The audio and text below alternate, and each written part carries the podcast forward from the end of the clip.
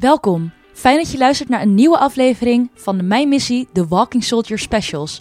Waar niet ik, Julia, maar Emiel Garstenveld in gesprek gaat met jullie favoriete landmachters tijdens een verfrissende wandeling. Vandaag Milou Waterschoot, die tijdens haar militaire avontuur hitteletsel heeft opgelopen.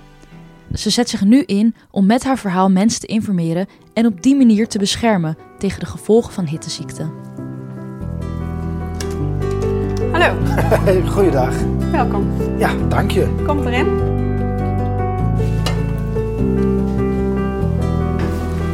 Alsjeblieft. Dank je wel.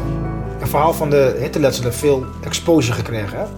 Ja, klopt. Het is eh, inmiddels wel eh, ver verspreid. En daar ben ik wel heel blij mee. Want eh, dat was echt wel het doel om het bekendheid te geven en te zorgen dat mensen weten wat het is en wat het inhoudt. En waar is het allemaal te zien geweest? Het is bij Zembla geweest. Eh, die dag ben ik ook eh, bij Hart van Nederland geweest om de uitzending aan te kondigen. En ehm, we zijn in samenwerking met TETF hebben we een symposium gedaan en die staat, eh, die staat op YouTube. Je kan het bij jou aan de buitenkant niet zien, maar wat is er met jou gebeurd en hoe heeft dat jouw leven veranderd? Nou ja, het heeft mijn leven compleet veranderd. Er gaat eigenlijk niks meer hetzelfde of op dezelfde manier als eh, voordat ik deze ziekte kreeg. En daarbij heb ik ook echt wel eh, hersenbeschadiging opgelopen. En dat noemen ze dan niet aangeboren hersenletsel. Dat blijft ook, zal ook niet meer weggaan. Dus dat is allemaal eigenlijk die dag gebeurd. Hij is ook al digitaal beschikbaar. Dit is een beperkte oplage Milou. Dus dit wordt echt een collectors item, want we geven niet zo heel veel van deze exemplaren geven we uit. Vond je het lastig om erover te praten? Ehm, nee, dat viel wel mee. Ik ben van mezelf vrij open. En ik wist heel goed wat ik ermee wilde. En eh, waarom ik het wilde en waarom ik het zo belangrijk vond om te vertellen. En wat vond je ervan dat de staatssecretaris eh, ook in beeld kwam, zeg maar? Ja, dat is wel heel fijn. Eh, ze hadden niks verteld tegen mij, dus het was wel echt een verrassing tijdens het symposium. En ja, op de beelden is ook wel te zien dat het me echt wel veel doet. En het is gewoon fijn om te zien dat als jij je ergens zo voor inzet en daar je voldoening probeert uit te halen om er iets aan te veranderen, dat het ook terechtkomt bij de mensen waar het moet zijn en die ook echt iets kunnen veranderen. En dat het dan ook gewaardeerd wordt. Ja, ik ben eigenlijk wel benieuwd naar je hele verhaal. Zullen we een stukje gaan lopen? Ja, is goed. Eh, moet ik wel mijn kleren wisselen, want eh, dat is lastig. Dus eh, dan moet ik even omkleden en dan, eh, dan kunnen we naar buiten. De zon schijnt, maar het is best koud. Maar hoe doe jij dit eigenlijk met jouw temperatuurbeheersing? Eh, mijn temperatuur moet ik echt wel beheersen met kleding. Eh, mijn lijf doet daar zelf in niks meer mee. Zowel eh, het warm blijven als het afkoelen eh, kan mijn lijf gewoon niet meer. Dus dan moet ik met kleren. En eh, nu heb ik bijvoorbeeld ook thermo-ondergoed aan en nog een extra vest en handschoenen. En dan nog heb ik het wel hard te halen om warm te kunnen blijven. En in de zomer is het gevaarlijker, omdat ik de temperatuur niet naar beneden kan krijgen, loopt mijn temperatuur op en dan zou ik in principe weer hetzelfde kunnen krijgen. Heb je nog een ideale temperatuur waar- waarbij je het beste gedijt? Ehm, ja, binnen is dat wel 21 graden. En hoe stabieler mijn omgevingstemperatuur is, hoe stabieler ik ben. Ehm, ik kan het best vergelijken met koorts. Ik wissel heel erg tussen, tussen temperatuur. Dus één moment heb ik echt wel opvliegers, en een ander moment heb ik het echt heel erg koud. En eh, net als een dag vanda- van vandaag, dan heb ik over een paar dagen nog wel last van eh, extra wisselingen, omdat het nu zo koud is. Dus eigenlijk is het niet handig dat we vandaag buiten lopen. Nee, eigenlijk niet. Ja. Wat was jouw droom als klein meisje? Ehm, het- eigenlijk heb ik altijd wel verpleegkundige willen worden. En vanaf de middelbare school wist ik eigenlijk al wel dat dat als militair was. Want ik wilde gewoon eh, net iets extra's, net iets meer zien van de wereld als, eh, als alleen het ziekenhuis of, eh, of de gehandicaptenzorg. En hoe ben je op die inspiratie rondgekomen? Door een stukje op internet? Of heeft iemand jou geïnspireerd? Of... Ehm, nee, voorlichting op middelbare school. Eh, een beroepenavond. En daar kwam een militair vertellen en die vertelde wat er allemaal mogelijk was. En toen dacht ik, ja, nou weet ik het zeker. Je bent verkocht. Ik was verkocht. Ja, Ja, heel herkenbaar hoor. Ik was ook meteen om. Dus, Ja. eh, ja ik was, ik, en vanaf toen heb ik gewoon niks anders meer gewild. Dus eh, en wist je ook wat je wil worden? Bij, bij welk krijgsmachtdeel of wat je precies wil gaan doen? ja, verpleegkundige. Dat was eigenlijk ook meteen wel duidelijk. Ja. ja.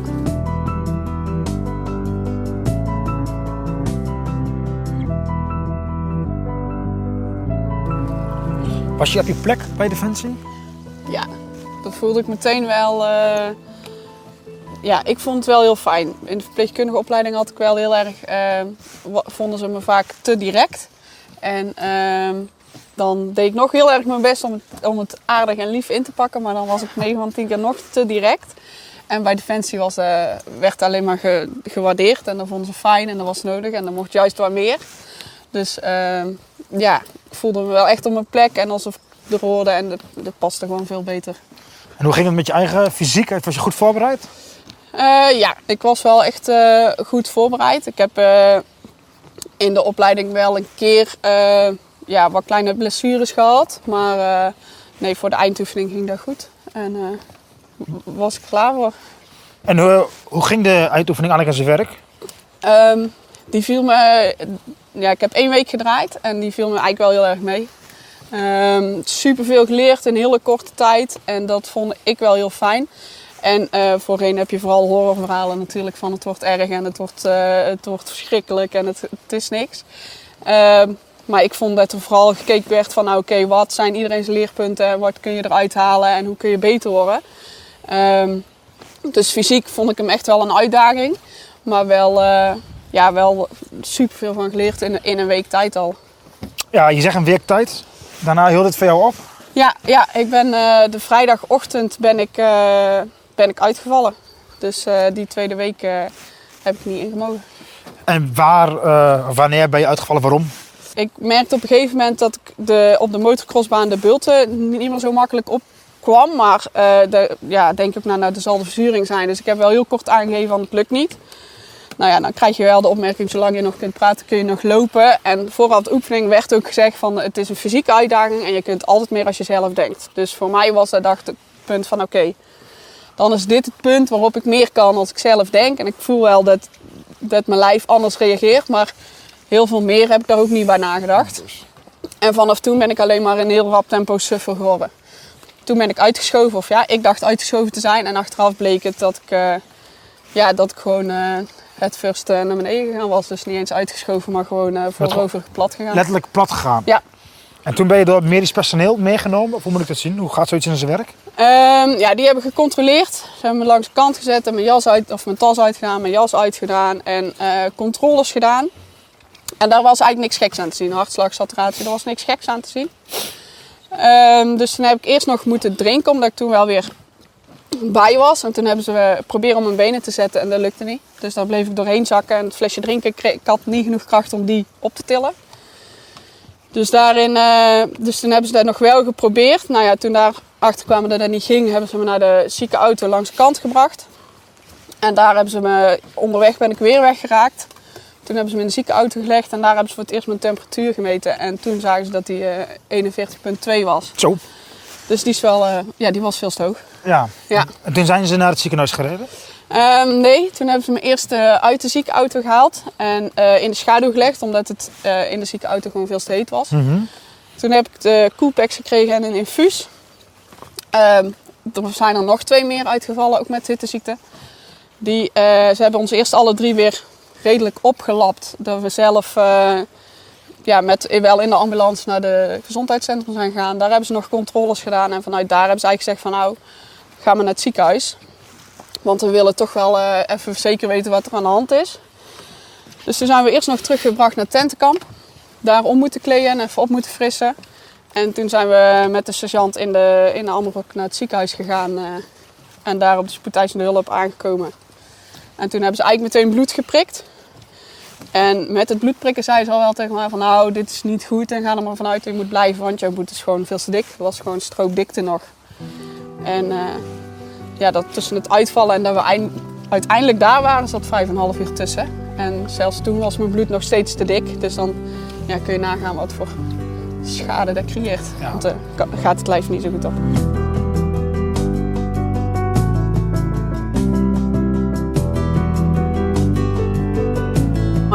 lever en mijn nieren die werkten eh, niet. Dus eh, ze hebben er wel heel veel infuus in gepompt, dus heel veel vocht in gepompt, maar dat kwam er niet uit. Dus ik begon op een gegeven moment wel op te zwellen en heel veel buikpijn te krijgen. En dat was wel zaterdagochtend, had ik echt heel veel buikpijn. Dus toen hebben ze een echo gemaakt en eh, daar was wel gewoon in te zien dat mijn organen al in het vocht lagen. Mijn galblaas was als spons gaan werken, terwijl die dat helemaal niet kan. Ehm, dus toen hebben ze het infuus eruit gehaald. Dus dat heeft wel gescheeld. En ehm, zaterdagochtend zijn ze eigenlijk ook pas ehm, ja, bij ons gekomen. Kwam de de arts terug van nou, ik heb eh, gisteravond nog eens gezocht en uitgezocht wat jullie nou eigenlijk gehad hebben en wat er is gebeurd. En eh, ja, die zei voor het eerst van jullie hebben een hittebroerte gehad. En dat was gewoon wel echt heel ernstig. En eh, het is gewoon wel echt kantje boord geweest. Die zijn echt wel door het oog van de naald gekropen. En wat jullie gehad hebben is gewoon wel echt een ernstig iets. En toen hebben ze zaterdagmiddag hebben ze gelukkig het infuser afgehaald. En ehm, toen is zondag alles wel weer gaan werken. Dus toen ben ik uiteindelijk zondagavond naar huis gemogen. Wel met het idee van, nou, je moeder is ook verpleegkundige, dus die kan je ook in gaten houden. En uh, je woont maar op 10 minuten van, het, van een ander ziekenhuis. Dus uh, toen mocht ik gelukkig zondagavond uh, om 10 uur nog naar huis. En ja, toen ben ik eigenlijk heel de week thuis geweest. De rest zat nog in eindoefening en ik zag thuis op de bank te slapen. En hoe ging het daarna verder? Want jij bent dan die week thuis en dan?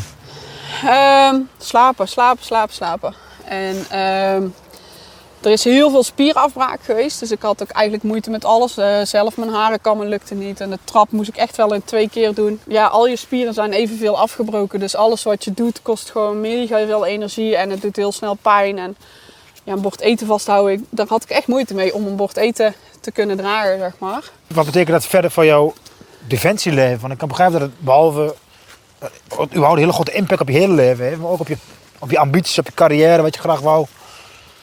Ja, um, nou ja, daarin is alles wel eigenlijk veranderd. Die spieren die zijn gelukkig wel weer opgebouwd. Uh, mijn lever en mijn nieren zijn weer gaan werken. Uh, maar er is wel door, uh, doordat het, waarschijnlijk doordat het bloed zo lang dik is geweest, wel echt hersenschade ontstaan. Dus last van het korte termijn geheugen, van prikkelverwerking, zo geluid en licht en gevoel er. Of ja, gevoel op mijn huid, daar reageer ik wel heel sterk op. Kost heel veel energie. En, ja, en omdat mijn temperatuur gewoon kapot is. Die thermostaat in mijn lijf is kapot. Dus dat zorgt er eigenlijk wel voor dat ik geen militair meer mag zijn. Dus ik zit nog wel in dat traject, maar ik word, in principe word ik afgekeurd. En, en dan mag ik wel als burger aan de gang bij Defensie. Daar ben ik wel heel blij mee, maar militair zijn is klaar. Dus het is gebeurd en daar kan niks meer aan veranderd worden. Maar ik kan nu wel zorgen dat het voor anderen niet meer gebeurt. En de anderen dit niet mee hoeven maken. En ja, dan kan ik er toch nog iets goeds uithalen en, uh, en er toch nog iets mee doen. Want wat ga je nu bij Defensie doen als burger? Uh, nu zit ik bij, bij Staf Otco. En daar ga ik... het ja, opleidingsgedeelte van Defensie? Ja, opleidingsgedeelte. En daar ga ik binnen de opleidingen vooral lesgeven. En dan vertellen wat er met mij is gebeurd. Wat ik eraan overgehouden heb. Dus waarom je ook niet moet willen dat nog iemand het krijgt. En dan uh, meer in op de theorie van nou oké, okay, je, je hebt die theorie liggen en hoe kun je die nou inzetten en hoe kun je die gebruiken. Dus eigenlijk ga je de nieuwe instructeurs opleiden, trainen ja. in het hittebroed, hitteletsel, herkenning ja, ja. of hoe je mee moet omgaan. Ja, sowieso de instructeurs van de opleidingen, zodat die beter weten waar ze op moeten letten en uh, waar ze mee aan de slag kunnen. Maar ook uh, de leerlingen, dat straks binnen heel Defensie eigenlijk iedereen weet waar je op moet letten en waar je rekening mee moet houden, wat het risico is en, en vooral hoe je moet handelen. En hoe zie je de toekomst van jezelf bij, bij Defensie of in het leven? Ja, ik, dit, dit duurt nog wel lang voordat ik iedereen natuurlijk, uh, voordat we iedereen bijgeschoold hebben. Dus dat duurt nog wel lang. En uh, ik zit nu in een medisch team die meer onderwerpen behandelen waar in opleiding mee meegedaan kan worden. Dus daar kan ik ook nog verder mee aan de slag. En de rest is nog zo ver vooruit dat Denk je eerst dit. Nee, eerst dit. En, en in privé, ja, dat is gewoon wel... Het, het blijft altijd lastig. En ik denk wel dat ik mijn balans redelijk gevonden heb. Maar dat is iets waar je altijd bij blijft stoeien. En uh, iedereen stoeit met balans. Maar bij mij is, is die ja, nog iets extremer. En dat is allemaal nog wel afwachten. Zo kinderen en zo. Dat, dat weten we gewoon nog niet. Het zit in hetzelfde gebiedje als die de temperatuur regelt. Dus ik weet helemaal niet of dat wel gaat. En uh, qua energie of het lukt om kinderen te kunnen hebben en zo. Dus dat is wel allemaal nog, daar wordt nog uitdagingen. De toekomst uh, gaat het uitwijzen? Ja, ja, dat is iets wat we, wat we gaan ontdekken. En meer kunnen we daar niet in, in doen. Dus ik, ja, ik weet heel goed wat ik wil. Maar ik ben daar wel heel terughoudend in. Omdat ik wel ook heel bewust ben dat het afwachten is of het allemaal gaat en lukt of wat ik wil. Dat je geen valse hoop van jezelf wil creëren. Ja, ja, dat.